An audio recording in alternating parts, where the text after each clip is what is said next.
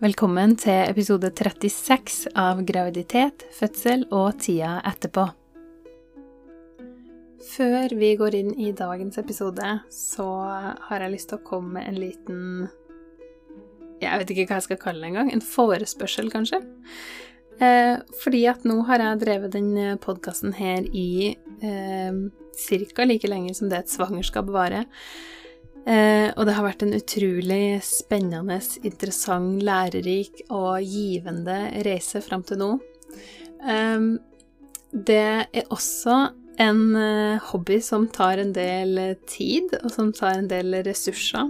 Og jeg ser nå når jeg skal bli mamma sjøl, eh, at den kanskje tar litt mye tid og ressurser til å være en hobby. Så jeg har rett og slett starta en uh, Patrion-konto. og en Patrion, går ut på at uh, du som lytter kan gå inn på Patrion. Jeg legger selvfølgelig en link i episodeteksten. Og så kan du velge å støtte podkasten med et lite beløp i måneden. Og det starter så lavt som 40 kroner i måneden, så for bare 40 kroner i måneden så kan du være med og støtte og være med og eh, sikre at eh, podkasten fortsetter å leve videre. Så hvis du har mulighet til å bidra med en liten sum hver måned gjennom Patrion, så vil jeg sette enormt stor pris på det. Eh, det vil virkelig utgjøre en stor forskjell for eh, podkastens framtid og min mulighet til å fortsette med den i lang tid framover. Og det har jeg jo veldig, veldig lyst til. Og hvis du er en av dem som bidrar, så får du også noe tilbake fra meg. Og det kan du se på eh, Patrion-sida mi, så ser du hva du kan få tilbake for de forskjellige summene du kan betale i måneden. Så ikke bare vil det bety masse for meg, men eh, du får til og med noe igjen for det. Jeg setter kjempestor pris på om du går inn på Patrion og sjekker om det er noe som du kan bidra med. Mitt navn er Anette Hummel, og i dagens episode har jeg med meg Maren. Maren er 26 år, kommer fra Nordland og bor på Nøtterøy i lag med samboeren sin. Hun jobber som steinerskolelærer og sier sjøl at hun nok er litt over gjennomsnittet interessert i mensen og fødsel. I dag så skal Maren fortelle om sin uassisterte hjemmefødsel, som ble en helt magisk opplevelse. Hjertelig velkommen hit, Maren. Takk. Det er veldig fint å være her. Ja, det er så fint å ha deg med, for det er jo en litt annerledes historie som du skal fortelle i dag, og det er jeg veldig spent på. Mm. Jeg er veldig spent sjøl. Ja. så fint. Og så har vi med oss en ekstra liten gjest i dag. Ja, her har vi lille Frida på fire måneder som prøver å sove. Ja. Så vi får se hvordan det går. Hun er veldig stille nå, da. Jeg tror det går bra. ja. Vi får se. Ellers er jeg litt babylyda. Bare kos. Det gjør ingenting. Jeg tror de som hører på podkasten her, er glad i det. Ja, ikke sant? Det tror jeg. Hvis ikke er det på feil podkast. ja. Det var sånn, jeg snakka med samboeren min også, hun var litt så nervøs for å fortelle historien. Og han bare ja, men de som hører på den podkasten, de elsker jo det. Ja. de, de er jo akkurat sånn som du. jeg tror det i stor grad eh, stemmer. Altså. Jeg tror ikke du skal være redd for å Du skal ikke være redd for å dele noen ting. Nei. Det tror jeg bare er fint. Mm. Kan ikke du ta oss og fortelle litt om deg og din familie? Ja. Eh, mitt navn er Maren, og er nå 26 år. Kommer fra helt sør i Nordland, men eh, bor på Nøtterøy i Vestfold. Så du er ganske dialektforvirra. Eh, skifter litt sånn gjennom eh, episoden, tror jeg, med litt trønder og litt østlending og litt alt. Eh, jobber som steinerskolelærer når jeg ikke har baby hjemme. Mm. Um, ja, og bor sammen med kjæresten min som er Steiner barnehagelærer. Å, så der, ja. Det er veldig koselig. Ja, å så fint. Og jeg elsker Steiner-pedagogikk. Ja, Mine, mine, barn skal definitivt på steinerskole, om de vil eller ei. og eh, i dag skal jo du dele din fødselshistorie. Du skal fortelle om når eh, Frida ble født. Mm. for fire måneder siden nå. Ja. Eh, hvordan var selve svangerskapet for deg? Uh, jeg syns på en måte det var flere kapitler eller faser i det svangerskapet. Syns det er en liksom fin måte å se det på. Det er liksom ikke bare enten bra eller dårlig. Um, jeg ønska veldig sterkt å bli gravid, egentlig lenge. Mm. Og så jeg hadde brukt sånn fertility awareness method i et par år allerede, så jeg var litt sånn, visste veldig godt min egen syklus. Så bra! Det var kjempespennende. Ja, det er jo det. Så da tenkte jeg at når vi skulle begynne å prøve, så kom det til å skje med en gang. Mm. Det gjør det jo ikke. Eh, så da var liksom første lærdom, da, å Mm. skjønne at selv om jeg har planlagt alt og forberedt alt og lest alt, så skjer det ikke sånn som jeg vil. Nei. Og det er liksom noe å øve på hele tiden. Ja. Så da var det skikkelig kjipe måneder når eh, mensen kom, og menssmerter og alt mulig i tillegg. Mm. Og det, det Det var mye tyngre enn jeg trodde det skulle være. Fordi jeg hadde forventa at det skulle være lett. Ja, ikke sant. Så det var eh, Jeg lærte veldig mye av det. Og så etter hvert så prøvde jeg å snu det da, fra å være skuffa til å, å prøve å ta vare på meg sjøl og min egen kropp og min egen syklus, og bli glad i mensen min. Og spise sunt. Liksom snu det fra skuffelse til liksom mer egenkjærlighet. Mm. Så det var sånn veldig spennende skift. Og slutta med koffein. Eh, fant masse ja, bra greier for kroppen.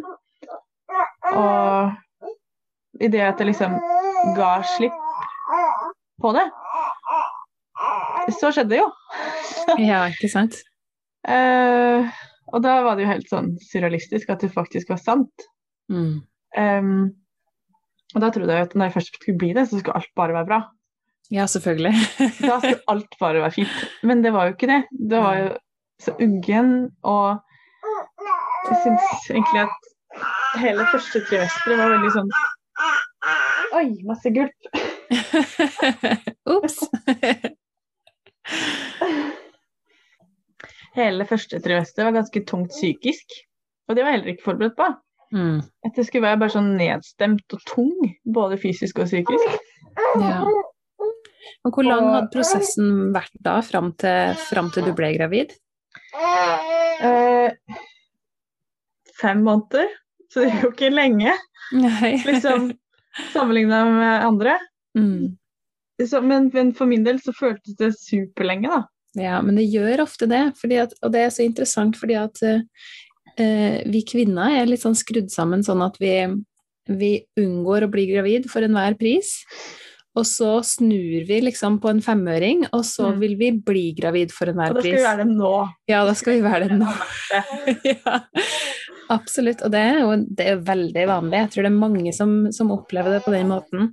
Ja, så Og- snakkes det så lite om, og det er så utrolig sårbart. Ja, veldig. Og ja, det er så mange følelser i det. Så Mm. Ja. Det er jo mange som sliter med å bli gravide. Nå er jo ikke eh, Fem måneder regnes jo ikke som man sliter med å bli gravid, men det er mange som sliter med å bli gravide, og som bruker lang, lang tid. Det har jo vært en sånn prosess sjøl i, i mange år. Så det er jo jeg, jeg vet hvordan det er. Jeg har, jeg har helt eh, eh, medfølelse for den, eh, den prosessen som du har vært i. Um, sjøl om man kan si det var bare fem måneder. Så, ja, at jeg lærte veldig mye av det, og Mm. skjønner andre mye bedre. ja, ikke sant? Så I ettertid så er jeg veldig takknemlig for det. At det Ja. ikke bare skjedde med en gang. Mm. Jeg føler ja, at jeg kan enklere forstå det jeg ønsker, da. Ja. Og hvor altoppslukende det kan bli. Mm. Ja, absolutt. Ja. Men det er veldig fint som du ser hvor mye man lærer i en, i en sånn prosess, og, og hvor viktig den prosessen egentlig er. Da. Så første trimesteret, det var psykisk krevende, syns du? Ja, og da ble jo det også litt sånn Det var tungt psykisk for min del, og det smitter jo over på forholdet. Mm. Så da ble det liksom tungt for begge to. Og det var sånn jeg ikke hadde tenkt på heller. Før jeg var i det, liksom. Men så eh, ble det jo mye bedre Det blir jo bedre. Mm. Ting går over. Og det er også sånn med graviditet, fødsel, baby. Det er så mange faser av alt, da. ja. Så andre trimester var mye bedre, som mange opplever. Mm. Jeg følte meg skikkelig fin. Og um, begynte på gravidyoga. Mm. Fikk jeg mange gode venninner som jeg fortsatt er sammen med nå. Da, som ble som en slags barselgruppe. Så bra at det var gravidyoga. Anbefaler alle å dra på for Ja. å få venner. Mm. Fordi det kan være skikkelig ensomt, kan jeg se for meg. I hvert fall i disse tider når ingenting er åpent og sånn. Ja, jeg er litt imponert over at det var gravidyoga. Ja, Det det er det er jeg skikkelig glad for. Ja. Så vi er blitt skikkelig gode venner. Og det har hatt så mye å si for alle sin trivsel, tror jeg. Mm. Det å ha noen å snakke med som går gjennom det samme. Uh, og det å komme seg ut og gjøre én fysisk ting i uka, i hvert fall. Ja, ikke sant? Kjempelurt. Og så fikk jeg endra litt på jobbsituasjonen, som var veldig positiv. Mm. Så jeg fikk mye mer overskudd. Jobba 50 Ja. mot eh, slutten. Mm. Og det var skikkelig digg å kjenne at jeg liksom faktisk hadde overskudd og har tid til å ta vare på meg sjøl, gjøre litt det jeg vil. Eh, for jeg fikk etter hvert liksom midtveis i graviditeten ganske sånn mye smerter i bekkenet. Så Mm. det å f.eks. ligge på ryggen i gravidyoga og gjøre øvelse der, det var helt uaktuelt. Yeah. Det var helt sånn sinnssykt nervesmerte. Mm. Eh, og som gjør at det blir vanskelig å snu seg i senga og litt sånn. Eh, og det har jeg fortsatt hatt, egentlig. Alle sier jo sånn Å, det går over når du føder. Ja. Nei, det gjør ikke nødvendigvis det. Det Nei. kan ta tid. Eh, så det har også vært en en litt slitsom prosess. Men det går liksom gradvis bedre. ja. Men har du fått og får du noe behandling for det? Jeg gikk til fysioterapeut i svangerskapet, og litt til osteopat. Mm. Og nå går jeg til osteopat. Og så, som hun sier også, da, så vil jeg jo bli sterkere og sterkere etter hvert som kroppen kommer seg igjen. Så det blir som en sånn naturlig positiv spiral. Ja. Eh, For hvis man bare sitter på rumpa, så får man i hvert fall ikke mm, muskelkraften tilbake. Og det er jo Nei, mye det jeg har gjort, da. Mm. Det er liksom når man får vondt i graviditeten, så får man ikke beveget seg, og da blir det verre. Det er jo helt logisk. Man vil jo unngå smerte. Ja. Man Ja. blir redd for å få det vondt, og gjøre gjør for mye. Ja, Absolutt. Det er helt logisk. Føler du at behandlinga har hjulpet deg nå, da? Ja, jeg føler det. I hvert fall ikke gjort det verre nå.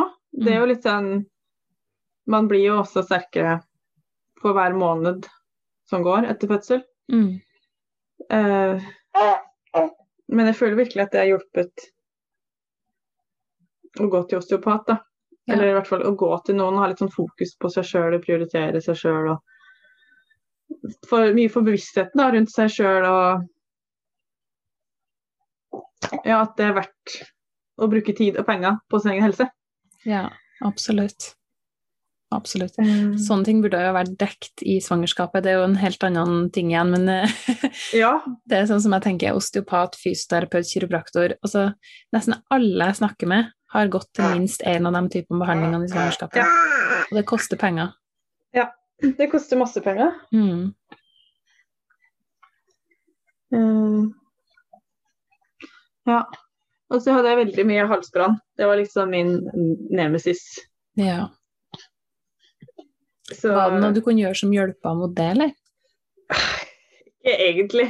Nei. Men eh, man prøvde jo alt mulig rart. Endte med å svelge sånne tyggetabletter som man kjøper på apoteket. Som sikkert inneholder bare dritt, men det hjalp litt. Ja. Så ja, man må velge ja, litt men eh, eh, ja, man må velge sine kamper. Av og til Mm. så må man bare ta den dritten fra apoteket og bare Ja, ja. Ikke sant? Absolutt. Ja. Så det var egentlig liksom mine utfordringer. Mm. Um, men jeg hadde veldig fint Mye på grunn av det her at jeg hadde sånn justert på jobben, Ja. at jeg hadde overskudd, og fant venninner fra gravidyogaen. Mm. Så ble det der veldig positive ting. Så bra.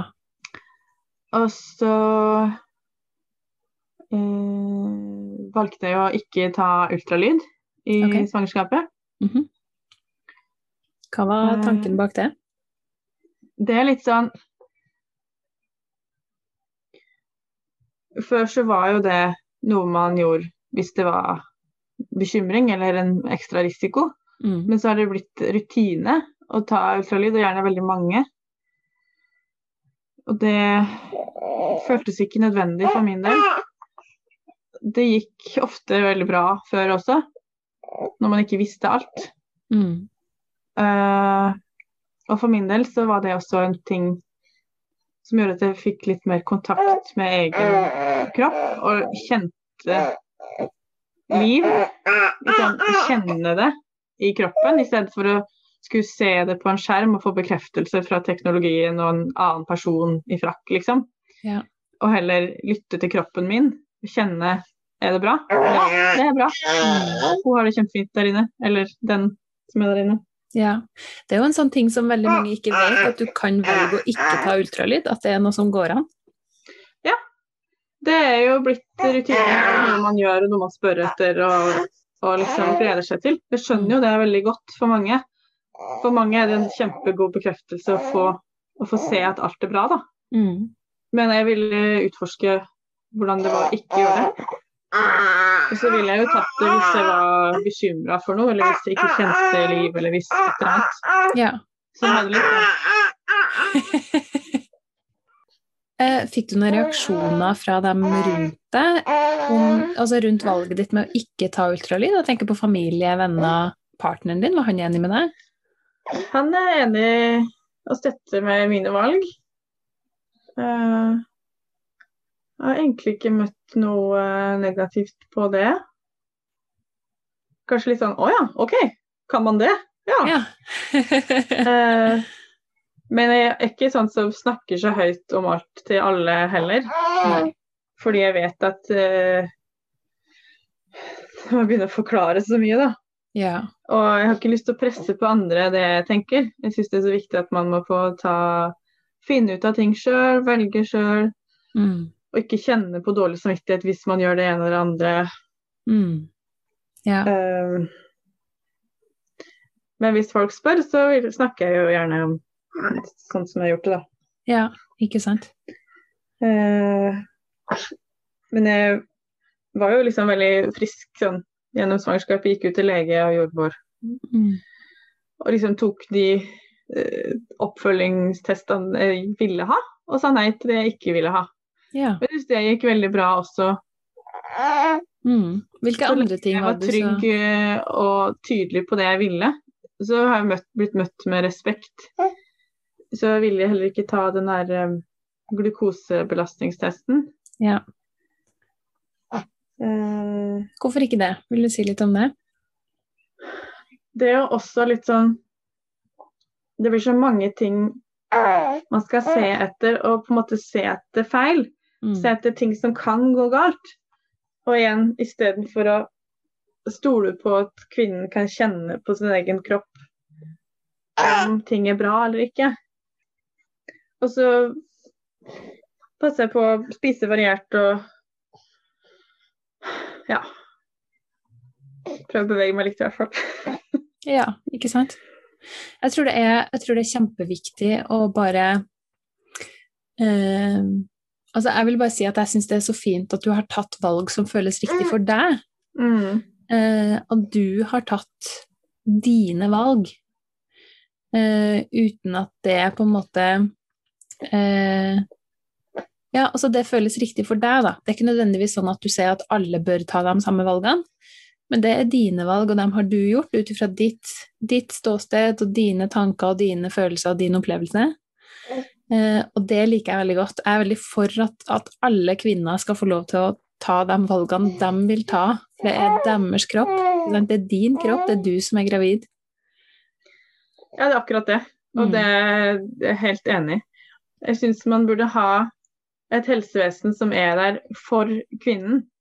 At du har mulighet til å ta alt mulig som du føler er riktig for deg, og få Mm. hjelp til det du trenger hjelp til. Uten at det blir sånn at du som kvinne skal være der for helsevesenet. At vi på en måte snur på det. Ja. Hvem skal være der for hvem? Ja. Jeg skal ikke please legen min. Nei. Og det jeg tror det er veldig mange, meg inkludert, som har vært sånn flink pike. Vil at Mm. folk skal være glad, fornøyd, vil ikke støte noen. Vil ikke gjøre feil. Men jeg har kjent sånn, akkurat når det gjelder det her, så vil jeg ikke være flink pike. Jeg vil ikke være en flink gravid, bare. Mm. Og ta testene bare for at andre skal være fornøyde. Nettopp. Men jeg tror det er mange som tror at man må, og Mm. ikke vet at man kan si nei. Ja. Og de har jo egentlig ikke noe med om du sier nei eller ja. Nei. De skal være der for oss. Mm. Og jeg har jo ikke noe mot helsevesenet og jordmødre og leger og sykehus. Det er fantastisk at det fins. Absolutt. Jeg bruker det jo sjøl, Mm. men jeg vil velge hvordan jeg gjør det, da. Ja. For da føles det mye bedre for min del å gå dit. Mm. Ja, men det tror jeg er et veldig viktig poeng. Jeg tror det er mange som, mange som tenker at hvis man er eh, Hvis man tar litt eh, ukonvensjonelle valg, da, og kanskje takker nei til noen medisinske inngrep, at det betyr at man er motstander av helsevesen. Ja. Eh, men det, det trenger jo ikke å bety det. Nei, nei. Det Det syns jeg er viktig å differensiere. Ja, kjempefint. Veldig fint. Man kan velge å si nei til det og ja til det. Ja, ikke sant? Absolutt. Ja. Og du fikk heller ikke noe motstand av lege og, og jordmor og sånt i forhold til de valgene du har tatt? Nei, altså jeg er heldig som har en, en lege som, eh, som jeg føler respekterer meg, da. Og det tror jeg har hatt mye å si også for hvordan jeg følte rundt det her. Ja. Um, og så prøver jeg å være hyggelig. Ikke Mm. sånn eh, Ja, vil ikke ha noe av deres hjelp. Være sånn antisystemperson. Mhm. Eh, prøve å møte dem med respekt. Og liksom si nei på en OK måte, da. ja, ikke sant? Og da er det mye enklere for dem også å stå i det. Klart det. Absolutt. Og du ser du har en lege som respekterer deg, og da, da tenker jeg jeg ønsker, jeg skulle ønske at alle hadde en lege som respekterte dem og valgene deres, men, men jeg vet jo at det ikke er sånn. Og så er leger så forskjellige, og så hva de er opptatt av. Ja.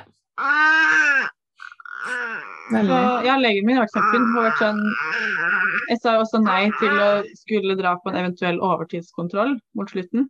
Ja. Eh, og vi avtalte at det heller bare gikk hos henne, da. Mm. Eh, og så sa jeg ja, men det her eh, tror jeg går kjempefint. Du har sånn fin sånn fødekropp. Ja. Ja, du kommer til å få til amminga så bra. Jeg ser det på deg. Du er sånn rolig og fin.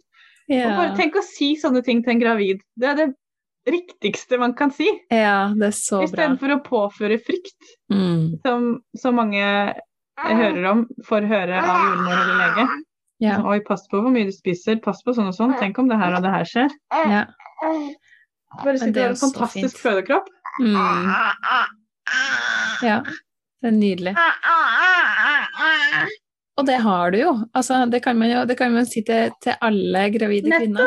Alle gravide kvinner bør få høre det av folk rundt seg. Du har en fantastisk fødekropp. Det her kommer Ja. til å få til så fint. Alle bør ha folk rundt seg som har tru på dem. Ja, det er akkurat det. Mm. Kjempe.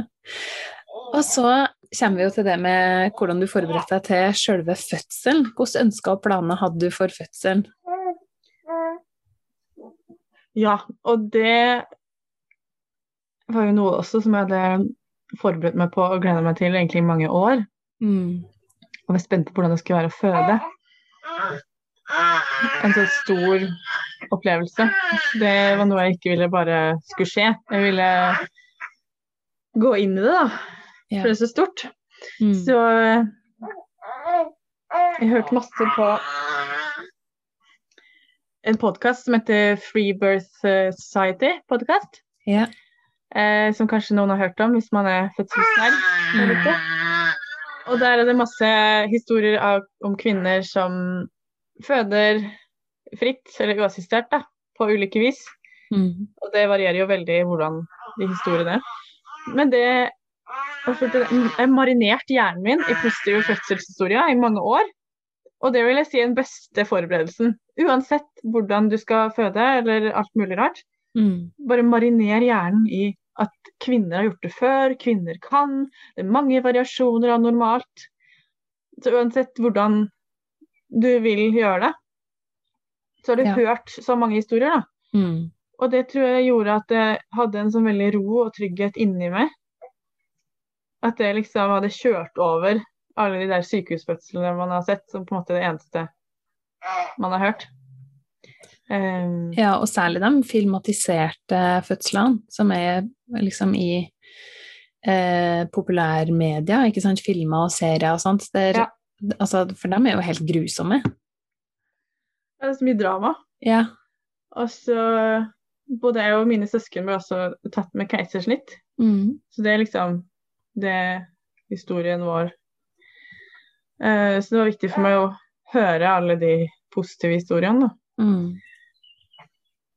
Og så er jeg nok litt sånn fødselsnerd, da, uavhengig av om jeg sjøl skulle føde eller ikke. Så var jeg var interessert i det før jeg var gravid. Mm. Så ja, lest mye, hørt mye, eh, visualisert hvordan jeg vil ha det. Og så drømmen var jo å føde hjemme Mm. sammen med kjæresten min. Og så var det liksom fram og tilbake om jeg ville ha med noen flere, da. Om jeg skulle ha med en jordmor eller en doula eller ingen en venninne, et eller annet. Men så endte det med at jeg ville ha eh, bare en eh, doula ved siden av meg og kjæresten min, da. Mm. Og Fordi jeg tenker at fødsel er jo styrt av hormoner som kommer av når vi har det bra, når vi koser oss, føler oss trygg, avslappa. Det er det som er fødsel, egentlig. Mm. Så for min del så føler jeg meg tryggest hjemme, sammen med de jeg er glad i. Det er jo forskjellig hvor man føler seg trygg, Ja. spesielt i en sånn ukjent situasjon. Men for min del, siden jeg hadde forberedt meg så godt og følte meg så trygg på det, så kjentes det tryggest for min del. Mm. Uh, jeg ville helst ikke være på et ukjent sted med masse ukjente folk og sterkt lys og spørsmål og intervensjoner og Hvis jeg ikke måtte det, da. Ja. Uh, og jeg var også litt sånn Ville jeg oppleve fødsel i sin råhet, da. Sånn som det skjer uten at man blir forstyrra. Eh, for selv de mest velmenende ting kan jo oppleves forstyrrende. Mm. Um, og jeg kunne godt tenkt meg egentlig å ha en hjemmejordmor der, Ja.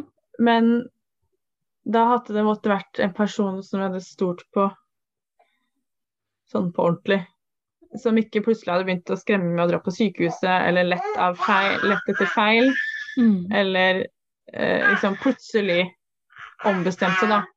Eller en som plutselig ikke kunne lenger, hvis man gikk over tida. Um, Ja. Og en sånn person har jeg ikke funnet. Nei. De har jo regler og retningslinjer og sånn. Mm. Um, jeg sendte noen e-poster sånn tidlig i graviditeten. Men eh, det var mange som var opptatt allerede da. Og så en som skrev sånn Ja, vi snakkes etter rutineultralyden i uke da, da. Jeg ja. Eh, det ble visst ikke det. det blir ikke noe av, nei. Mm. Um,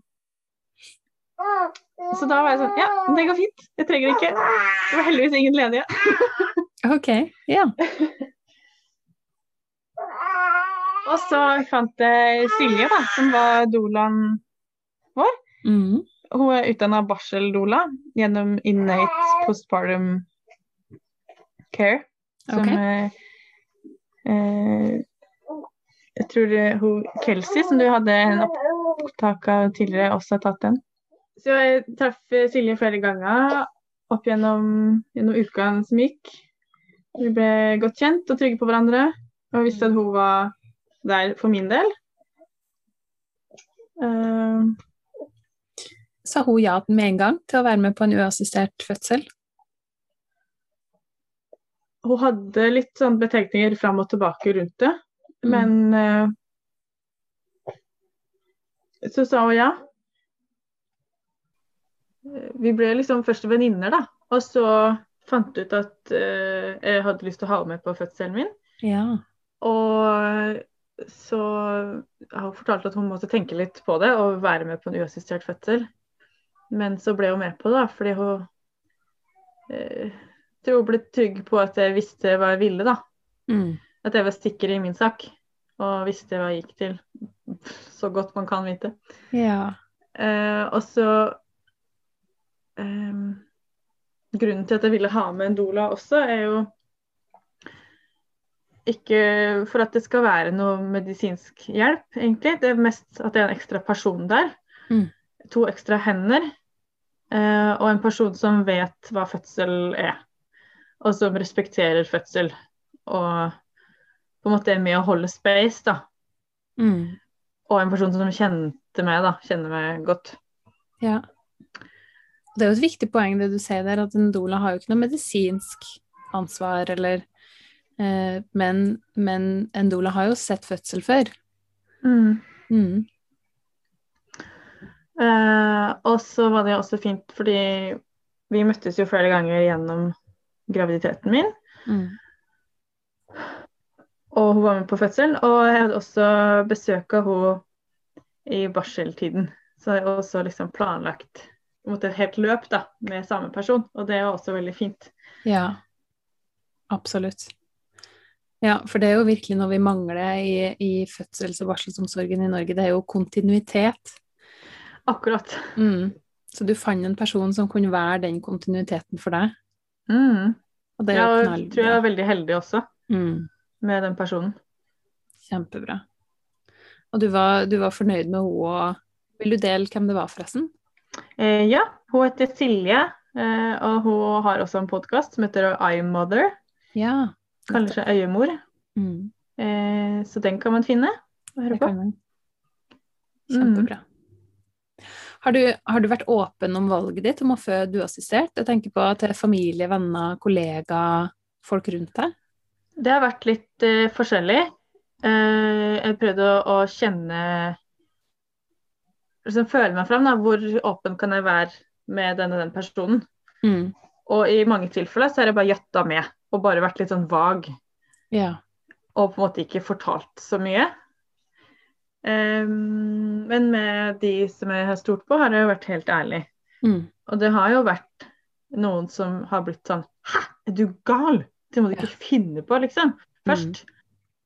Og så snakker vi litt sammen, og jeg forklarer at eh, det her har jeg satt meg godt inn i. Jeg tar, meg, tar, tar ikke lett på det her. Eh, jeg vet hva jeg går til, jeg vet risikoen.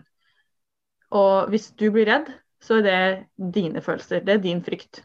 At jeg Mm. forteller det her til deg, det er en tillitserklæring. Så du får deale med dine følelser, på en måte. Det her er det jeg gjør. Og så Mm. får du deal med ditt hjemme hos deg. Jeg tar ikke din frykt med meg, liksom. Det vil jeg ikke. Ja. Um, Wow. Det er ganske, det er ganske sterkt, egentlig, det du forteller nå. Ja, jeg tror eh, Jeg har jo også gått lenge og tenkt på hvordan jeg skal eh, snakke om det med folk, da. Mm. Så jeg tror jeg hadde på en måte mentalt forberedt meg på, på den kampen en god stund før jeg var i den, og at det hjalp. Eh, men eh, Ja, og da har de fleste liksom senka skuldrene og bare OK, du gjør det her. Det er så bra. Ja.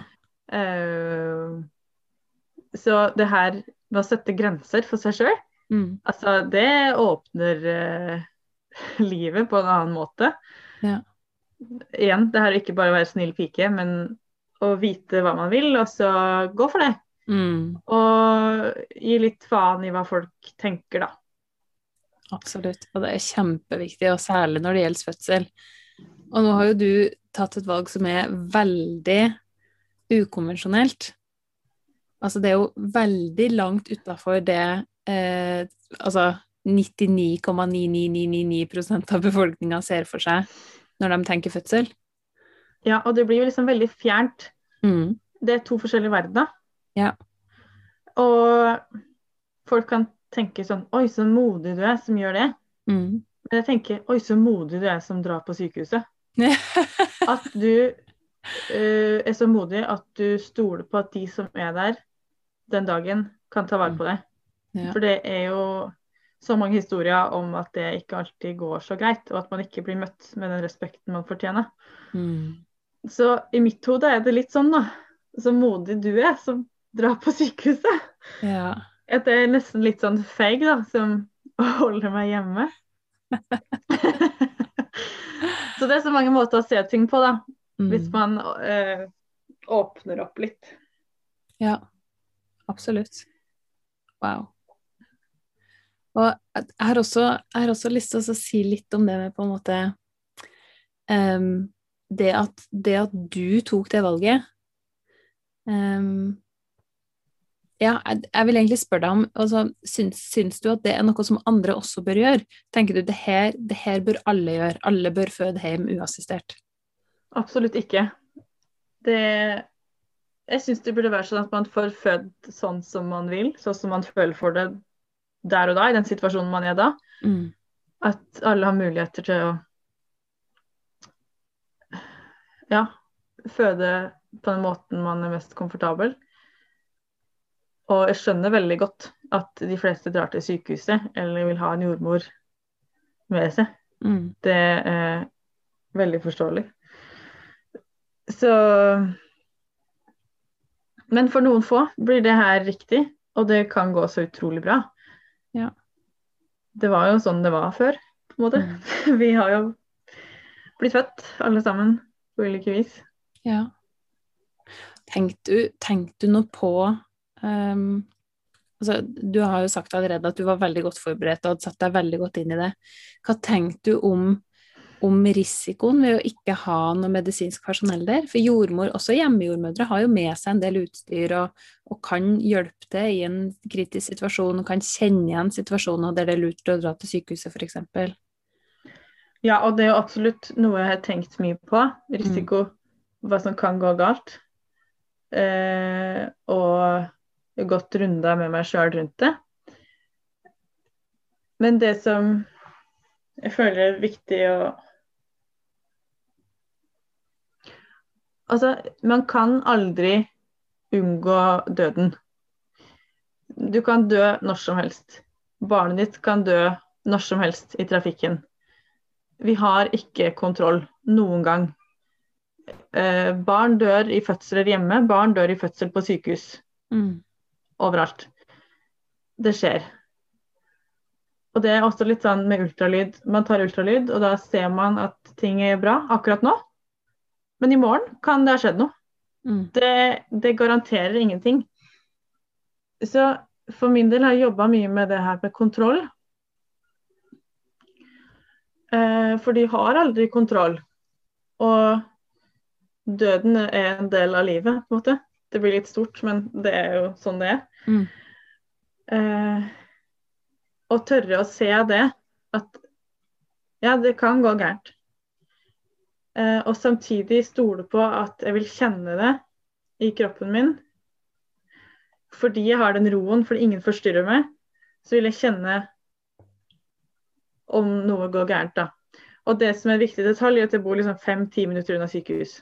Ja. Så det blir på en måte det samme som om en hjemmejordmor var rundt hjørnet eller et eller annet. da. Jeg ville jo dratt og fått hjelp med en gang hvis det var behov. Ja. Jeg er kjempeglad for at sykehuset er her. Mm. Vi dro jo også, det skal jeg jo fortelle om etterpå, men vi dro jo også til sykehuset og sjekka at alt var bra med babyen. Ett og et halvt døgn etter at hun kom. Ja. Så det er jo ikke sånn at jeg avviser helsepersonell i det hele tatt. Nei, ikke sant. Um, Ja. Mm. Ja. Jeg syns det, det, er så, det er så spennende å høre om. Eh, fordi også, også for meg så er det litt sånn Det er litt fremmed.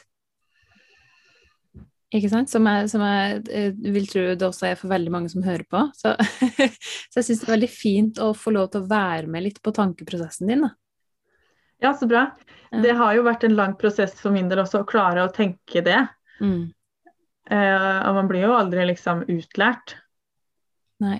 Ehm, og det vil jeg også si, at det er sikkert mange av de som hører på, som ikke er enig, og det er kjempefint. Mm. Og respekterer alles meninger. Jeg vil ikke gå i fight med noen, liksom. Så vi trenger ikke å være enige. Nei, ikke sant? Og det er det fine. Mm. Du kan velge din fødsel, og noen andre kan velge hennes fødsel. Ja. Ja. Kjempefint. Og nå er jeg så spent på å høre hvordan selve fødselen gikk. det blir sånn oppbygning. Ja, nå har vi virkelig liksom bygd opp til, til et stort klimaks her, så nå er vi kjempe Nå er jeg, jeg er i hvert fall kjempespent. Ja. Så kan ikke du fortelle litt om, eh, om uh, selve fødselen, hvordan, hvordan det starta? Ja. Og det, jeg var jo kjempespent på hvordan det skulle starte, for man hører jo så mange forskjellige fødselsstarter. Ja. Uh, jeg husker sånn uke 36 så fikk jeg mer og mer kynnere, og da ble det litt sånn kynnere bare å sitte stille. Og det var litt sånn nytt, så da husker jeg googla sånn 'føde uke 36'. Oh. Fordi man er gravid og hjernen bare ko-ko. ja. Men det skjedde jo ikke da. Um, Nei, heldigvis. Det hadde jo vært Heldigvis. eh, prematurt. Ja. det er jeg glad for det ikke skjedde da. Jeg Mm. fikk gå um, Det var um, Altså, jeg ser jo også på det her som termindato, som uh, noe oppfunnet, da. Så det blir litt sånn i hermetegn. Ja. Termindato, hermetegn. For det er jo på en Mm. måte termintid. Den kommer jo mellom da og da en eller annen gang. Ja. Og så har noen bare funnet på at det skal være den datoen. Mm. Det er bare Men, eh, 4 som fødes på termindatoen, så det sier litt Ja. om hvor unøyaktig den er. Ah, Det er så frustrerende mange ting som man prøver å sette i system. Og det, Mm. man kan ikke sette system, fødsel i system. Nei. Det er helt vilt. Men eh, jeg gikk da fem dager over termin, hermetegn. Eh, og da jeg kjempestor. Gigamage. Jeg husker jeg gikk på Fretex en dag der og bare kjøpte sånn der leopardfuskepelsjakke. Og bare OK, nå er jeg på randen. Nå er jeg diger, skal føde når som helst. Jeg trenger en leopardfuskepels. Det her er mitt nye liv. Ah, Herlig. Man bare Jeg går liksom helt sånn Helt ko-ko. Og bare gir helt faen. Bare lagde sjokolademuffins, spiste pølse med brød. Ja. Alt er lov, liksom. ja. Og så var det en natt jeg våkna og spiste brødskive og bare Shit, jeg klarer ikke å stå. Det stråla liksom nedover låret. ja. Og da husker jeg en samtale med meg selv. OK, it's on. Nå begynner det. Men så begynte det ikke, da. Det begynte Det dabba av, og så var det en dag det ikke skjedde noen ting. Superkjedelig. Mm. Og da også hadde jeg sånn svakt øyeblikk. Jeg bestilte tre pysjamaser på nettet til babyen. Bare Vi har ikke nok klær. Vi må ha tre pysjer. Ja. Eller så dør vi, liksom. Mm. Nesting. Ja, i siste øyeblikk. Mm. Og så den kvelden um, Da var jeg litt sånn OK, nå må vi få ting til å skje. Så da hadde vi sex, Mhm. og da Det hjalp jo, selvfølgelig. Det det gjør ofte det. Inn, det får babyen gjerne ut. Ikke sant? Så den natta kjente jeg at det bygga seg opp mer og mer. Uh, men uh, samboeren min dro på jobb, og jeg hang hjemme og gjorde det jeg lyst til. Så på Netflix, på en sånn dokumentar av paradisfugler som parer seg, sånn paringslek, det var veldig fascinerende. Og liksom fint humør å komme inn i, da. Ja, Sånn natur. absolutt. Det er kjempebra. Eh, så jeg var liksom bare sånn rolig Rolig til sinns. Men så fikk jeg han til å komme hjem sånn klokka tre. Eh, og da gikk han liksom rundt og ordna litt ting, da. Satte opp, rydda, fiksa. Vi hadde også fått tak i sånn fødebasseng, som var litt sånn organisering rundt det. Ja, det må jo fylles og. Ja, masse greier. Det er bra for mannen å ha liksom prosjekt, Ja. så ikke bare sitte her. Så spiste vi middag, eller jeg klarte ikke å spise så mye, måtte bare puste hele tiden. Mm. Puste tungt. Og det som var veldig fint, var at det gikk så gradvis.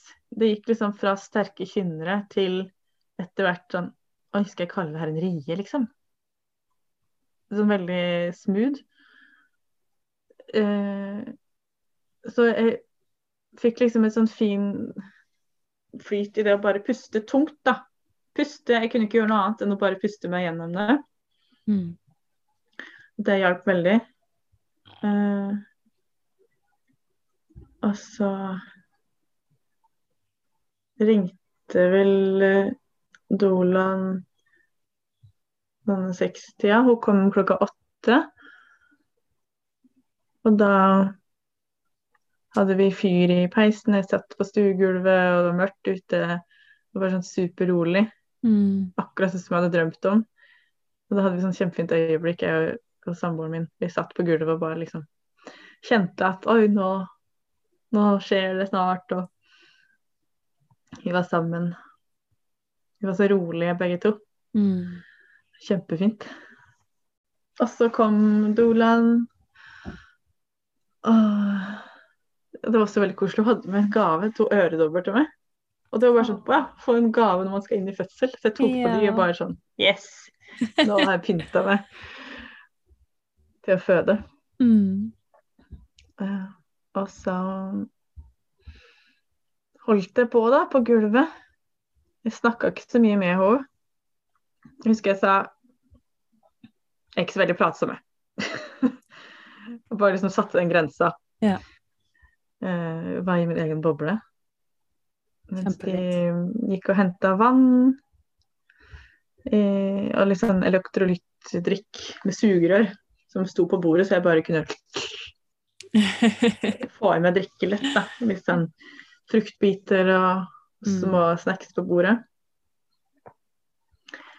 Og så hadde jeg på en spilleliste som gikk hele fødselen.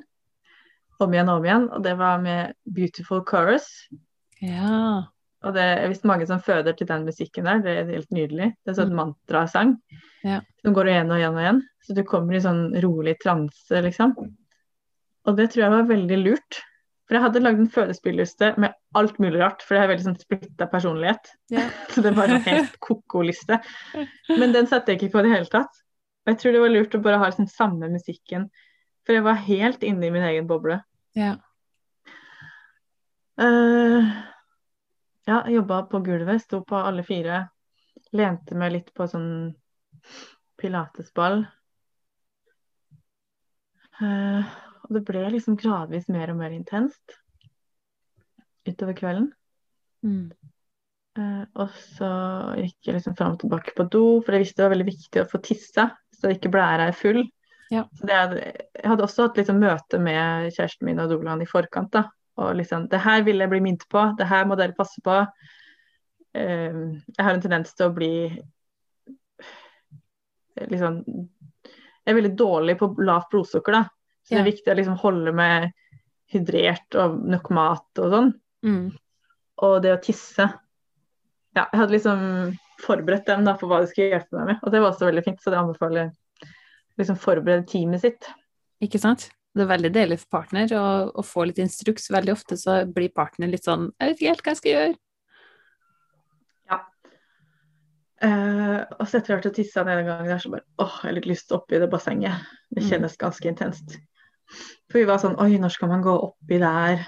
Ja. Når vet du at den riktige tiden er der? For det er sånn Du vil ikke bruke det opp. Nei, du vil ikke det. Du vil akkurat i riktig tid. Og så må man bare stole på at, at du vet det, da. Mm. Så da når jeg kjente at jeg hadde lyst til det, så var jeg sånn OK, da gjør vi det. Og det var helt fantastisk å komme opp i det vannet. Eh, skikkelig deilig. Mm. Eh, Og da Ja, da husker jeg også at jeg ropte ut sånn Jeg må ha en brødskive med Nugatti nå. Det var liksom en av de få tingene jeg sa under fødsel. Og så kom de med det, og bare Det var sykt godt. Ja. Det var helt fantastisk. Eh, Og spiste en brødskive. Og det, dagen etter så så vi sånn halv brødskive i vinduskarmen med Nugatti som jeg ikke rakk å spise opp. ah. Eh, Det er også digg med å være hjemme, for du kan bare bestille akkurat det du vil ha. Mm. Så var jeg i bassenget, lente meg over kanten der. Eh, og så var jeg litt nysgjerrig, så jeg kjente med hånda inn For jeg kjenner hvordan det var, og det var liksom veldig mykt. Ja. Og, og da tror jeg, i etterkant, så tenker jeg at vannet mitt må ha gått av. For etterpå så kjente jeg liksom bare sånn Men det var jo i vann, så det Mm. var veldig sånn udramatisk. Jeg så jo ingenting. Men så begynte jeg å skjelve noe helt sånn voldsomt.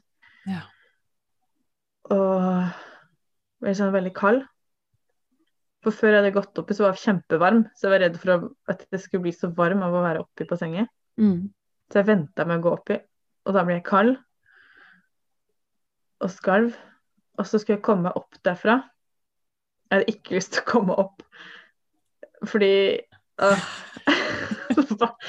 Hvordan skal han bevege seg, liksom? Det er så intenst. Ja. Eh, Så da var det fint å ha to mennesker der som kunne støtte meg da, Mm. på vei opp fra bassenget. Og da, når jeg reiste meg der, så kjente jeg oh, Oi, her er det noe som er på vei ned. Yeah. Oi. Da var det litt sånn Ja, babyen sank enda lenger ned. Mm. For babyen hadde ligget kjempelavt i bekkenet mitt lenge, yeah. og med hodet ned, og vært sånn superklar. Ja. Det var også noe av hvordan jeg kjente meg så trygg da, for å føde hjemme. At jeg Mm. visste at hun, babyen lå helt klar. Ja. Um, så jeg var ikke stressa med det.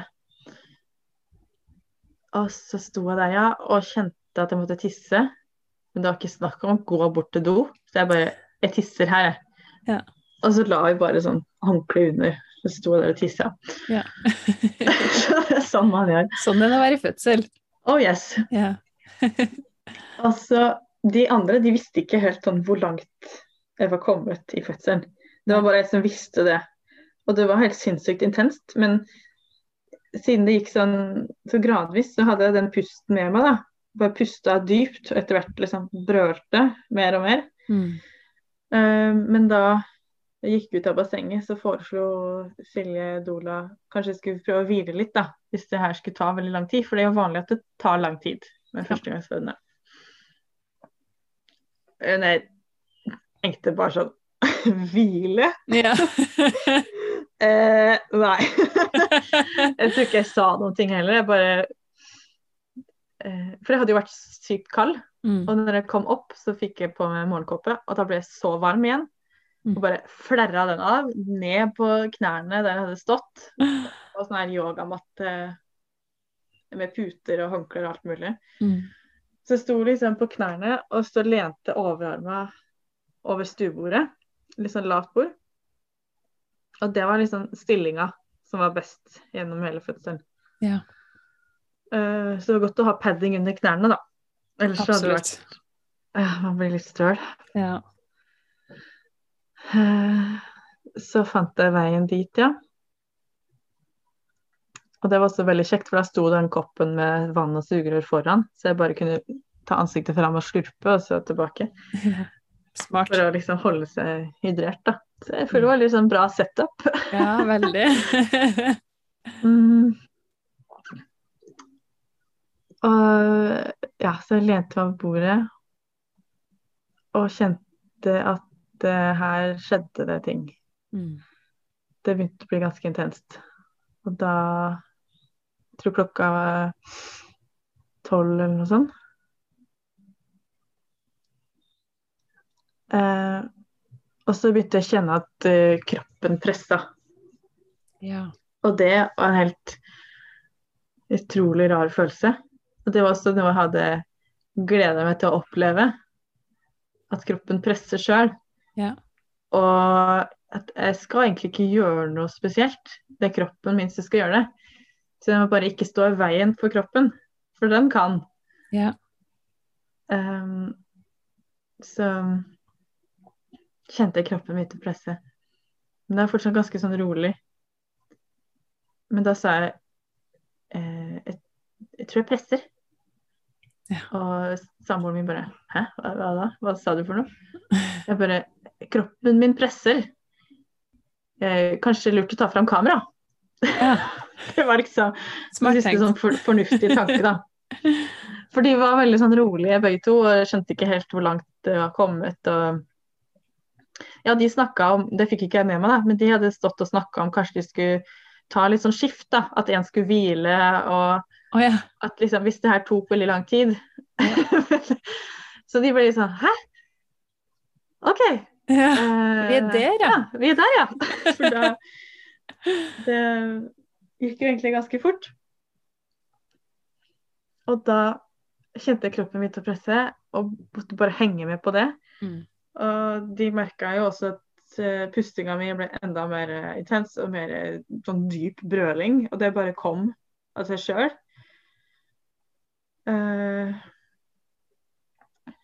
sykt intenst, sykt heftig. Ja. Altså, det er jo som å spy eh, ut av underlivet. Mm. Man bare vrenges totalt. Man bare gi helt slipp. Gi slipp på all kontroll og alle tanker og liksom alt av det du har vært før. Bare ha det bra. Uh, og da husker jeg fikk en sånn tanke at uh, babyen kan være død. Ja. Den dukka opp. Oi. Den kan være død. Og så tenkte jeg ja, den kan være død. Men så kjente jeg sånn Det kom et svar da inni meg at ja, men jeg elsker den babyen like mye uansett. Det er så mye kjærlighet her uansett, selv om døden er til stede. Eh, så jeg klarte å gi slipp på den tanken, da. Og, og bare OK, det, det er som det er. Åh, nå fikk jeg frysning over hele kroppen. Det, det var veldig spesielt. ja. Litt som en siste check-in Wow. med døden, da, når det fødes et nytt liv. Men jeg visste jo at hun ikke var død, for hadde nettopp kjent bevegelse. Altså, Jeg kjente jo at babyen liksom åla seg nedover med skuldrene. Helt sånn surrealistisk opplevelse. Ja. Og så begynte hodet å presse nedover og oppover og nedover, oppover flere ganger, opp og ned. Og jeg prøvde å bare være tålmodig og la kroppen presse sjøl. Åh, det var intenst. ja. Var du Altså- frista til å, var du fristet til å på en måte hjelpe til? Altså begynne å, å presse litt ekstra? Ja, og eh, jeg tror kanskje at det, ja, etter hvert så hjalp det kanskje til litt. Ja. Um, for så kom hodet ut, og de sto bak det. Jeg sto og lente meg framover, og så var Dolan og kjæresten min bak. Så de så liksom alt, da. Jeg så jo ingenting og måtte bare være i det. ja. Og, så de lurte liksom på hva Det der ser jo veldig rart ut. det der er et hode, liksom. For det er jo så vridd og, og merkelig når du Ja. kommer ut. så de var litt sånn Er det her, er det her bra, liksom? Men jeg fikk ikke med meg noen ting. De var kjempeflinke på å bare liksom hviske bak ryggen min. da. Jeg var helt sånn i min egen boble. Bare brølte i vei. Og så begynte kroppen å komme ut. Og så kom liksom halve kroppen ut, og jeg bare Hva skjer? Er kroppen ute? Hjelp! og de bare «Eh, Ja, hun er nesten ute. Eller babyen er nesten ute. Og jeg bare Åh! Det var, det var det verste øyeblikket. Og da kjente jo et bevegelse inni meg. Så jeg bare Øystein, det er du? Ikke gjør det! Det er skikkelig ekkelt! Ikke gjør det! For jeg fikk sånn tanke at det var han som liksom hadde hånda si oppi, for det var helt sånn merkelig følelse. At det liksom babyen bevegde seg inni deg. Ja. Og da var jeg bare sånn «Ah!» Og da kan det hende at jeg hjalp til å presse litt på det siste der. Mm. Og så kom hele babyen ut da, bak meg, i pappaen sine hender. Ja. Så han tok imot.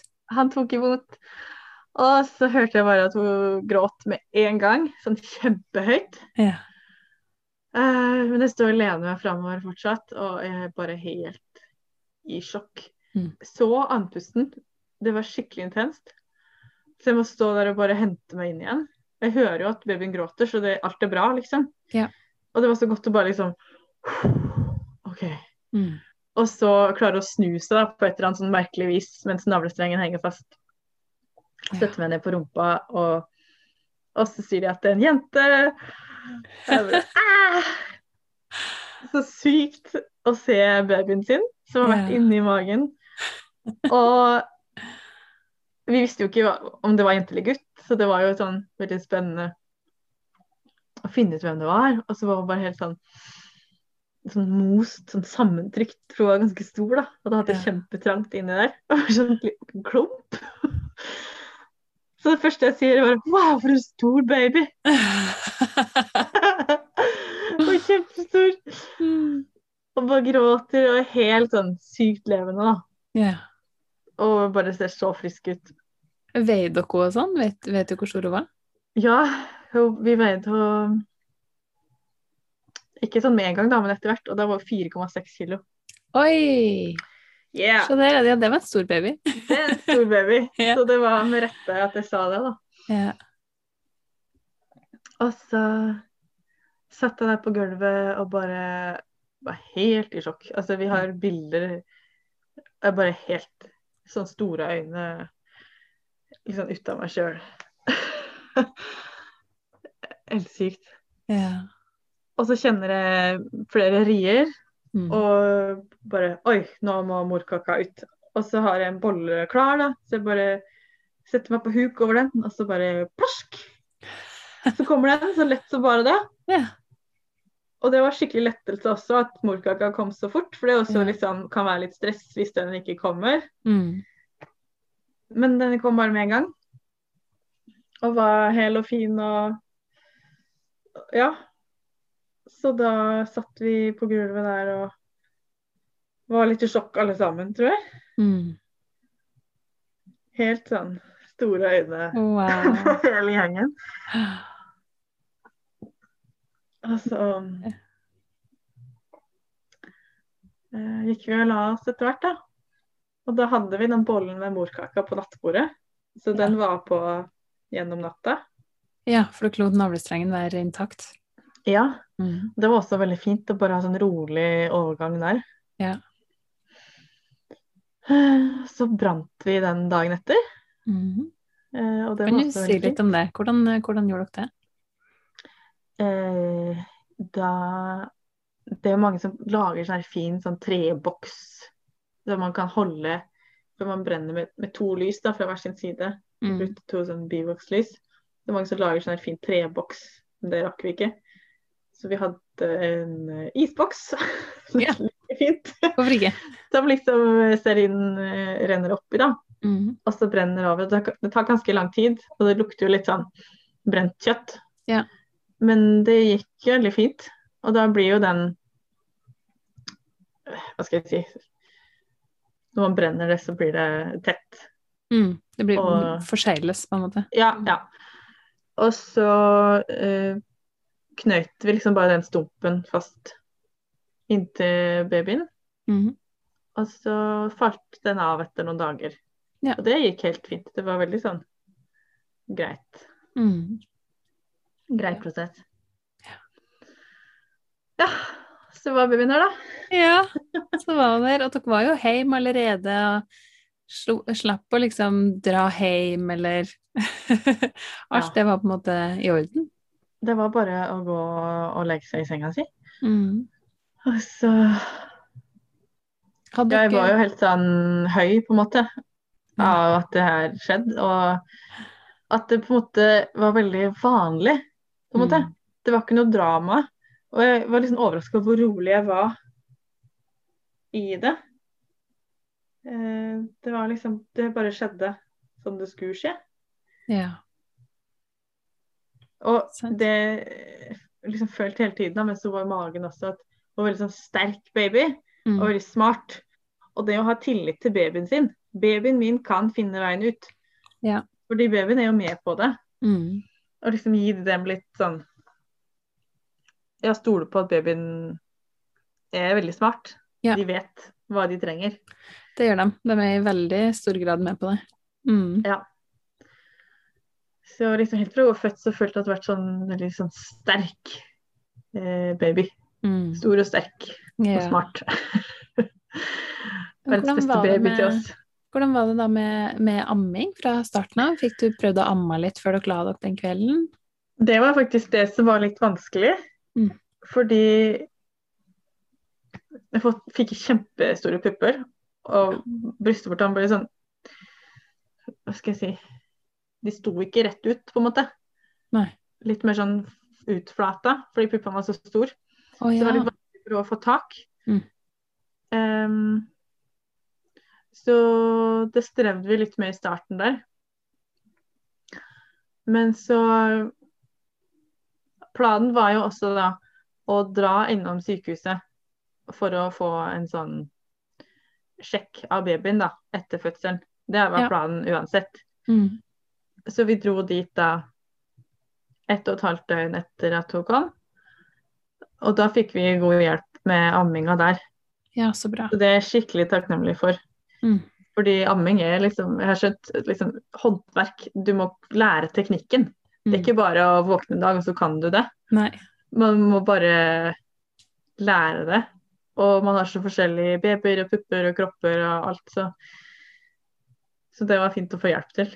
Men det var jo skikkelig styrete å dra inn til sykehuset. Ja. Det det hadde vært digg å bare kunne gjøre alt det hjemme. Men um, det som var veldig fint, var at mammaen min kom. Og ja, dagen etter hun kom, dagen etter babyen ble født, Mm. så var mamma her i tre-fire netter. Så mens vi dro til sykehuset, så vaska hun hele leiligheten, redda opp senga og lagde mat. Og det var helt fantastisk. Så For jeg hadde vært veldig usikker på om jeg ville ha mamma der i starten. Mm. For det er så ny tid, og kanskje man bare vil være alene og sånn. Ja. Men så fant vi ut at uh, vi trengte hjelp. Ja. Og hun var sånn Jeg flyr ned nå hvis det trengs. Ja. Og så gjorde hun det, da. Så det var Herlig. kjempefint å få hjelp. Så, Så vi var, dro på sykehuset og ble helt sånn utslitt etter det. Mm. Og så kom vi hjem, og alt er bare fint. Ja, så Det var så godt. Og vi ble møtt eh, veldig godt, syns jeg, da vi kom på sykehuset. Jeg hadde ringt i forkant. Eh, eh, så de visste at vi kom. Og det var litt sånn, først litt sånn avhørstemning. Ja. Vi satt inne på et rom med to sykepleiere jordmødre. Jeg vet ikke helt. Mm. Vi måtte forklare oss litt, da. Men jeg var så høy og fornøyd og bare sånn superwoman-energi. Så jeg bare forklarte hva vi hadde gjort og hvorfor og bla, bla, bla. Hadde liksom gode, greie svar. Og vi virka jo liksom som fornuftige, fine folk. Yeah. Så det ble kjempehyggelig. så bra. Uh, og de hjalp oss med amming og var liksom veldig til stede for det vi trengte, da. Mm. Tok seg kjempegod tid til å hjelpe oss. Og ja, er jo kjempepositivt overraska. For jeg var forberedt på å bli møtt med mye rart. Ja, det skjønner jeg. Men jeg tror de også var glade for at vi kom inn Mm. og ville ha sjekka henne, liksom. Ja, Eh, alt var jo selvfølgelig fint. så bra. Ja. Det var veldig fint. Mm. Ja, det er deilig. Og hva slags type sjekker var det de eh, gjorde da? Var det en barnelege som altså, tok dere blodprøver og sånne ting? Nyfødtscreening og Ja, og da Det var litt sånn styrete fordi nyfødtscreening må man ta etter 72 timer etter fødsel. OK. Men de ville at vi skulle komme inn før det, fordi at hun var født eh, At hun var 4,6 kilo. Mhm. For jeg sa på telefonen å, men hun er eh, 4,6 kilo, så hun klarer seg bra. Og da sa de sånn Oi, men da har vi litt sånn eh, rutine når babyer er så store, da, at de kan få lavt blodsukker hvis de ikke får nok mat. Så de ville at vi skulle komme inn litt tidligere. Og da var jeg sånn åh. gikk noen runder inn i hodet mitt. For jeg yeah. vil jo liksom bestemme sjøl. Yeah. Men jeg kjente OK, det gjør vi. Ja. Eh, det er greit. Og det var jo fint, for da fikk vi jo hjelp til den amminga. Så det er liksom artig å kjenne når skal man takke ja til hjelp, og så Ja. faktisk gjøre det, da. Mm. Det Det er superviktig. Å å stole på seg sjøl i de situasjonene der. Ja. Um, ja, så det var to ganger, da. Vi måtte inn to ganger for å gjøre de forskjellige tinga. Barnelege første dagen, og så screening andre dagen. Ja. Ikke sant. Mm. Ja. Og hvordan var den tida da, eh, etter hvert, med ny baby hjem og amming og hverdagen? Eh, amminga gikk bare bedre og bedre. Da vi liksom først hadde fått tak, så Så gikk det veldig bra. Jeg tror nok jeg har hatt litt sånn overproduksjon. Mm. Eh, men vi har liksom fått det til, da. Bare tilpasse hverandre etter hvert som, som uh, man finner ut av ting. Mm. Jeg har brukt Ammehjelpen masse på nettet. Fantastisk. Ja, det er så bra. Jeg anbefaler alle å se alle de videoene før Ja. man får babyen. Ja, absolutt. Bra tips. Ja. Um, men så Etter at mammaen min dro, og liksom den der fødehøyheten ga seg, da begynte det å bli litt tøft. Ja. Og veldig sånn sårbart. Og det jeg var overraska over, var Jeg tenkte å, jeg har en sånn uforstyrra hjemmefødsel, det bare går fint. Jeg er sikkert sånn superfrisk etterpå. Men jeg var helt utslitt. Kroppen min var helt tømt. Jeg var så stiv og støl overalt. Jeg har aldri hatt så vondt i kroppen min før som de to ukene spesielt etter fødsel. Wow. Helt sånn på alle vis. Mm. Og det tok meg litt på senga. Fordi babyen var bare helt fantastisk. Helt perfekt. Yeah. Men det var barselkroppen som var helt krise. Mm. Ah, Så det var utrolig tungt. ja. Var det liksom hele kroppen, eller var det underlivet, eller hvor var det det på en måte satt hen? Det var litt sånn overalt. Ja. Eh, Skikkelig sånn stiv i hofta og- nedre rygg etter fødselen. Mm. Og det satt i kjempelenge. Eh, og så fikk jeg en rift fra fødselen. Ja. Og det er jo ikke så rart, egentlig, siden den var så stor og kom såpass fort. Mm. Eh, men det er også noe jeg har gått mange runder med meg sjøl med i etterkant. For vi ble tilbudt da vi var innom sykehuset, at de kunne ta en titt på det. Ja. Men jeg var sånn superoptimist og bare nei, det går fint. Mm. For jeg var veldig innstilt på å la det gro av seg sjøl, da. Ja. Sånn fra forkant, hvis det skulle skje. Var det en veldig stor eh, rift, eller? Den hadde nok fått en del sting hvis det Ja. var en sykehusfødsel. Ok. Eh, så etter hvert som dagene og ukene gikk, så ble jeg sånn i tvil for meg sjøl, da. Shit, Mm. har jeg blitt ødelagt? Mm. Har jeg vært skikkelig dum? Uff. Superslem med meg sjøl. Jeg har vært så sinnssykt eh, Hatt så mange negative tanker da, til meg sjøl og mine egne valg. Og vært min egen verste fiende i den barseltida. Uff. Og tvilt på alle mine valg, liksom. Eh, men det har gått fint, bare sånn for å hoppe, hoppe til det. Ja. Um, nå har jeg fått en sjekk av gynekolog i ettertid, for da kjente jeg ok, jeg vil ha en titt på den. Ja. Og det har grodd fint. Altså underlivet er jo annerledes, Mm. uten tvil. Annerledes. Ja. Um, og kanskje litt større åpning enn før. Mm. Men det har grodd fint, og det er ikke liksom for stort. Nei, altså- de sa det, da. Hva er for stort, på en måte? Ja, ikke sant. Det er så mange variasjoner av normalt.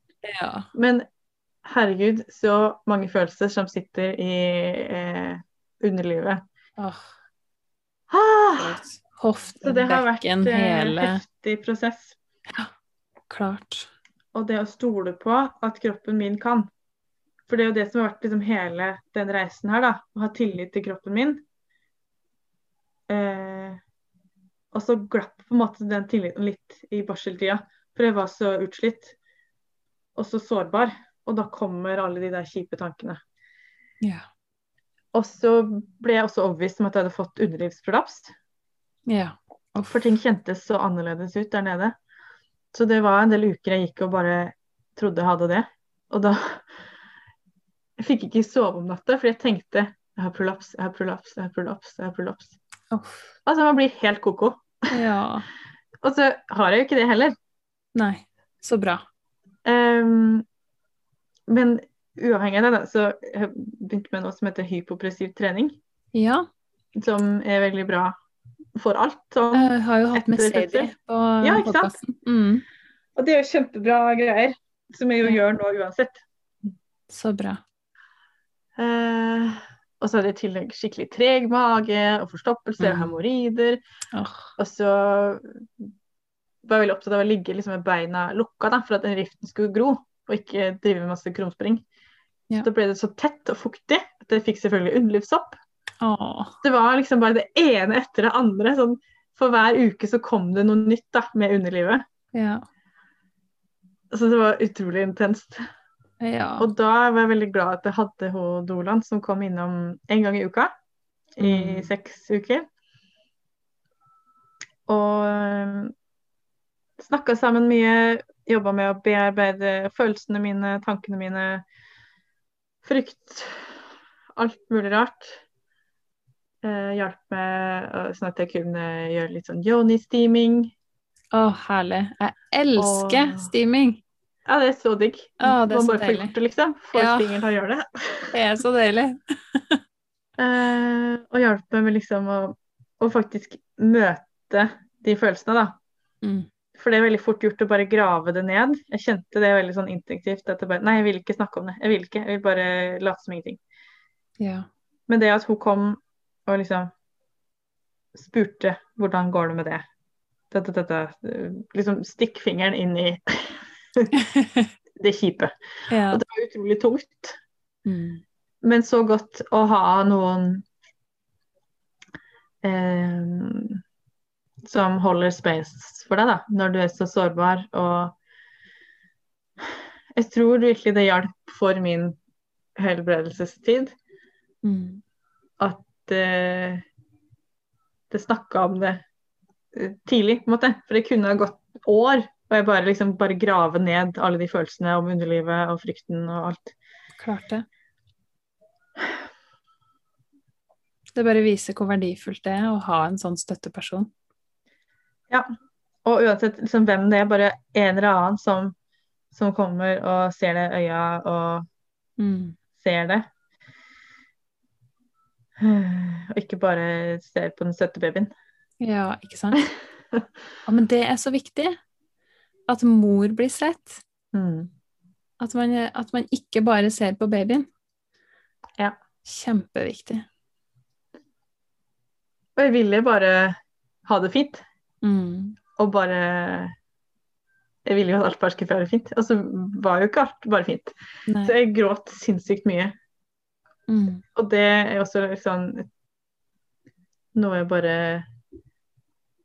aksepterte i meg sjøl, at jeg trenger å gråte og få ut følelsene. Og så blir jeg ferdig med det etterpå. Ja. Men det er jo helt forferdelig mens det står på. Mm. Og du har fått den fine babyen, og så bare griner du. Ja. Og jeg kjente at det skal bare være sånn som det er. Skal jeg ha så vondt i kroppen og være så satt ut av spill? Skal jeg være sånn resten av livet? Skal det være sånn? Ja. Og nå har jeg blitt fire måneder, og jeg føler meg helt fantastisk. Å, så godt. Det er liksom en helt annen verden. Ja. Nå føler jeg at jeg bare stråler, liksom. ja du, og kjenner liksom styrken sånn ut kommer tilbake. Og jeg er bare så fornøyd med livet og den Ja. nye Maren. Men det er liksom Man må av og til gå ned i helvete mm. For å komme opp igjen. Det som i alle folkeeventyr, der man liksom skal ja. gå gjennom store utfordringer for å bli en ny person. Mm. ja. Og det var barseltida for deg? Ja, det var, det var tettpakka med lærdom, kan man si. Men jeg føler virkelig det for at eh, Hæ? Hvor lenge varte det for deg? Jeg føler det var en sånn milepæl da når hun ble tre måneder, etter Ja. det fjerde trimester. Mm. At det, det var virkelig et eget eh, trimester. Ja. For det var så mange ting jeg måtte jobbe igjennom og finne ut av. Mm. Og da nå kan vi på en måte gå videre. Man er jo liksom barselkvinne resten av livet, men Mm. nå, nå er det litt enklere, da. Ja. Um, Så bra. Så det, og det er jo egentlig ikke så lenge siden, for nå er jo fire måneder. Ja, det er jo egentlig ikke lenge siden i det hele tatt. Nei. Ja, så jeg er skikkelig, skikkelig takknemlig, og det tar det ikke for gitt noe av det Altså, jeg har vært så Tenkt så mye på de som får en syk baby, der det ikke Mm. går bra, der det er ekstra ting. Fordi jeg hadde en så frisk baby, men det var jeg som var eh, sliten og ikke klarte. Mm. Og da i tillegg hadde jeg hatt en syk baby eller et eller annet. Fy søren, så mye respekt til de som har ekstra greier. Eller Ja. som går gjennom det alene, eller et eller annet. ja. Eller har hatt en Så mye- traumatisk fødsel. Ja. Mm. Så mye å bearbeide i tillegg, for jeg hadde jo en liksom veldig enkel fødsel. Ja. ja, så fint. Og det er, det er egentlig veldig fint at du deler det, at, at du har du har hatt en, et fint svangerskap, du har hatt en fin fødselsopplevelse, du hadde en helt nydelig, perfekt baby, og likevel så var ting vanskelig. Jepp. Det er det som overrasker meg så sinnssykt, og det må man snakke om. Ja, det må man. Fordi det er jo ikke sånn at du er et unikum som opplever det på den måten. Det er jo mange som opplever det sånn. Ja. Man må ikke ha en god grunn. Nei, akkurat det. Og det, man må bare tørre å si fra om det og snakke med folk. Og selv om det er skikkelig sånn sårbart å dele om rift og underlivsprolaps og hemoroider, alt det der. Ja. Men det må ut der, fordi fy søren så alene man føler seg. Man Ja. tror man er den eneste i verden som har det sånn. Mm. Helt til man leser på internett og bare Å ja. Det er mange som har det sånn. Ja, ikke sant? Og det er jo en sånn ting, så, sånn som med hemoroider, da, for eksempel, som er så Det er så mye tabu rundt rundt det, og så er det så Mm. skambelagt. Og så er det så vanlig. Ja. Det er så tenker, rart. Nei, ja, altså det, det, er jo, det er jo de færreste som har gått gjennom en hel graviditet og fødsel og ikke hatt en hemoroide. Ja. Det, det går jo nesten ikke an. Nei. Nei, herre min. Ja. Så det, ja, det er sånne ting vi bare må snakke mer om. Så takk for at du gjør det. Ja, jeg tenker jeg må bare kaste meg ut i det. Ja. Absolutt. Mm, kjempefint. Er det noe mer du har lyst til å dele om din, din opplevelse? Eh, altså hvor mye tanker og forventninger har å si, da. Mm, At våre egne tanker er ofte fienden vår. ja. Og det var noe jeg lærte veldig sånn i den barseltiden. uh, at det var mine tanker og forventninger om hvordan ting skulle være, som gjorde at det ble fælt. Ja. Det hadde vært helt annerledes hvis jeg ikke hadde sånne høye forventninger til alt. da. Fordi det er litt det jeg sliter med, at jeg har veldig høye forventninger til meg sjøl. Hvordan alt skal bare være bra. Og siden jeg har gjort sånn og sånn, så burde det i hvert fall bli bra. Ja. Ikke sant? Mm, Men jeg har, vi har også vært heldige og fått en veldig fin helsesøster. Og det er jo heller ikke gitt. så bra. Der vi også har blitt møtt med respekt. Og Ja. ja, herregud, Nydelig. skikkelig heldig. Og hun har hjulpet meg litt sånn å sortere tanker og sånn. At man får sånn aha-opplevelse at eh, det er ikke så ille. Det er bare fordi jeg tror det skulle vært annerledes. Ja. Og jeg gjør det til en sånn stor greie, da. Mm, Um, så det å tørre å snakke med folk om de tankene man har. Ja. Så plutselig blir livet enklere. ja, ikke sant? Veldig ofte så hjelper det å, bare det å si det høyt. Ja, det er akkurat det. Mm, Og nå har jeg heldigvis skjønt at av og til så trenger jeg bare å, å grine og fortelle om hvor kjipt alt er, og så blir alt bra etterpå. Uten å være redd for at alt går til helvete fordi jeg griner. Ja. Mm. Um, ja. Og så til de, de som lytter, da. Hvis noen er nysgjerrig eller har spørsmål, så er det jo bare å liksom spørre meg. For nå føler jeg liksom gått gjennom mye av mye forskjellig av det som jeg lurte på sjøl, da. Før jeg har vært gjennom alt det her. Mm. Så fint. Det er et kjempegodt tilbud. Eh, hvordan, har du noen ressurser som du vil anbefale til gravide eller småbarnsforeldre? Eh, jeg hadde jo veldig god nytte av å høre på den Freebirth Society-podkasten. Ja. Og så jeg leste eh, en bok som heter Real Food for Pregnancy. Ja, er Nichols. bra. Ja, Mm, mye bra der. Så det er en annen bok som heter Orgasmic Birth. Veldig fin tittel. Liker å låne ut den til folk bare fordi den heter Orgasmic Birth. Jeg hadde jo Ja. ikke det på noen måte, men Det er noen som opplever det. ja. Og det er en Mhm. veldig fin bok. Må bare, hvis hvis, man hvis er- at man hører på det her nå og har hatt en orgasmisk fødsel, jeg vil gjerne snakke med deg. Så bare ta ja, kontakt med meg. Ja. uh, og hvis man er opptatt av kvinnehelse og litt sånn, så er det en bok som heter 'Everything Below the Waist'. ja. av Jennifer Block. Hvis man vil bli litt sint på systemet, alt som er fucked up. Det er mye om sånn hormonprevensjon, ja. alt det kjipe som blir gjort med underlivet vårt. Ja. Ja, det er mye kjipt, altså. Mm, ja. Jeg gruer meg.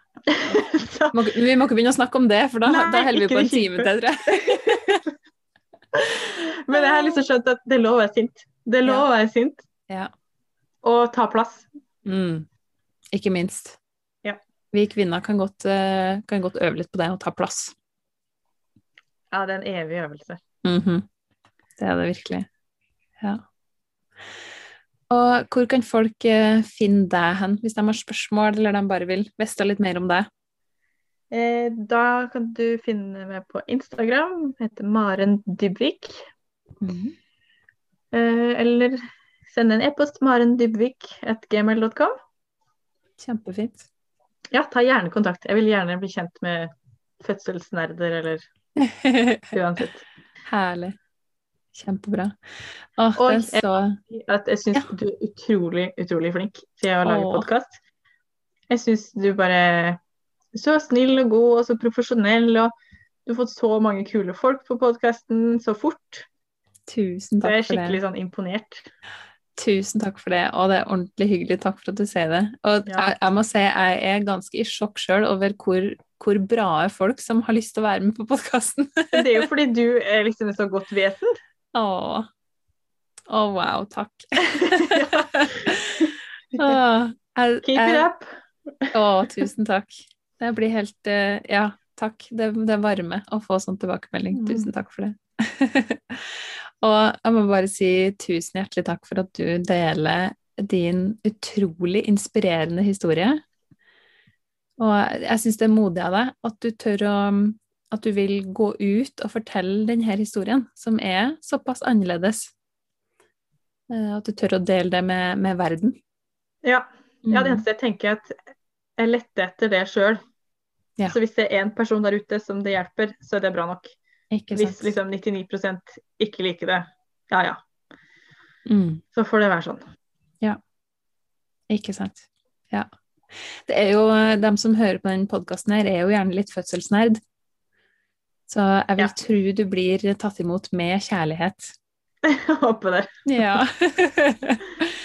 Tusen hjertelig takk for at du kom, Maren. Takk. Takk for at du hørte på graviditet, fødsel og tida etterpå. Hvis du liker denne podkasten, så er det kjempefint om du vil gå inn på Patrion og støtte podkasten med et lavt beløp i måneden. Det starter på bare 40 kroner i måneden for å være med og støtte opp under og sørge for at podkasten kan fortsette i lang tid framover. Og til gjengjeld så får du forskjellige ting tilbake fra meg. Hva du får, det kan du se på Patrion. Bare følg linken i episodeteksten. Ditt bidrag betyr kjempemye for meg og for podkasten, og for alle de fremtidige lytterne som forhåpentligvis får stor glede og nytte av å høre på episodene. I neste ukes episode så har jeg med meg Aida og Cecilia fra Barselopprøret. Barselopprøret er en organisasjon som har som målsetning å jobbe for bedre barselomsorg for alle kvinner i hele Norge. I tilfelle det var noen tvil, så vil jeg også nevne at jeg ikke er verken lege eller jordmor. Temaene som tas opp på denne podkasten, er kun ment som generell informasjon, ikke som råd eller oppfordring til handling. Hvis du har spørsmål eller bekymringer når det gjelder din egen eller ungene dine sin helse, så vil jeg på det sterkeste anbefale at du snakker med legen eller jordmora di.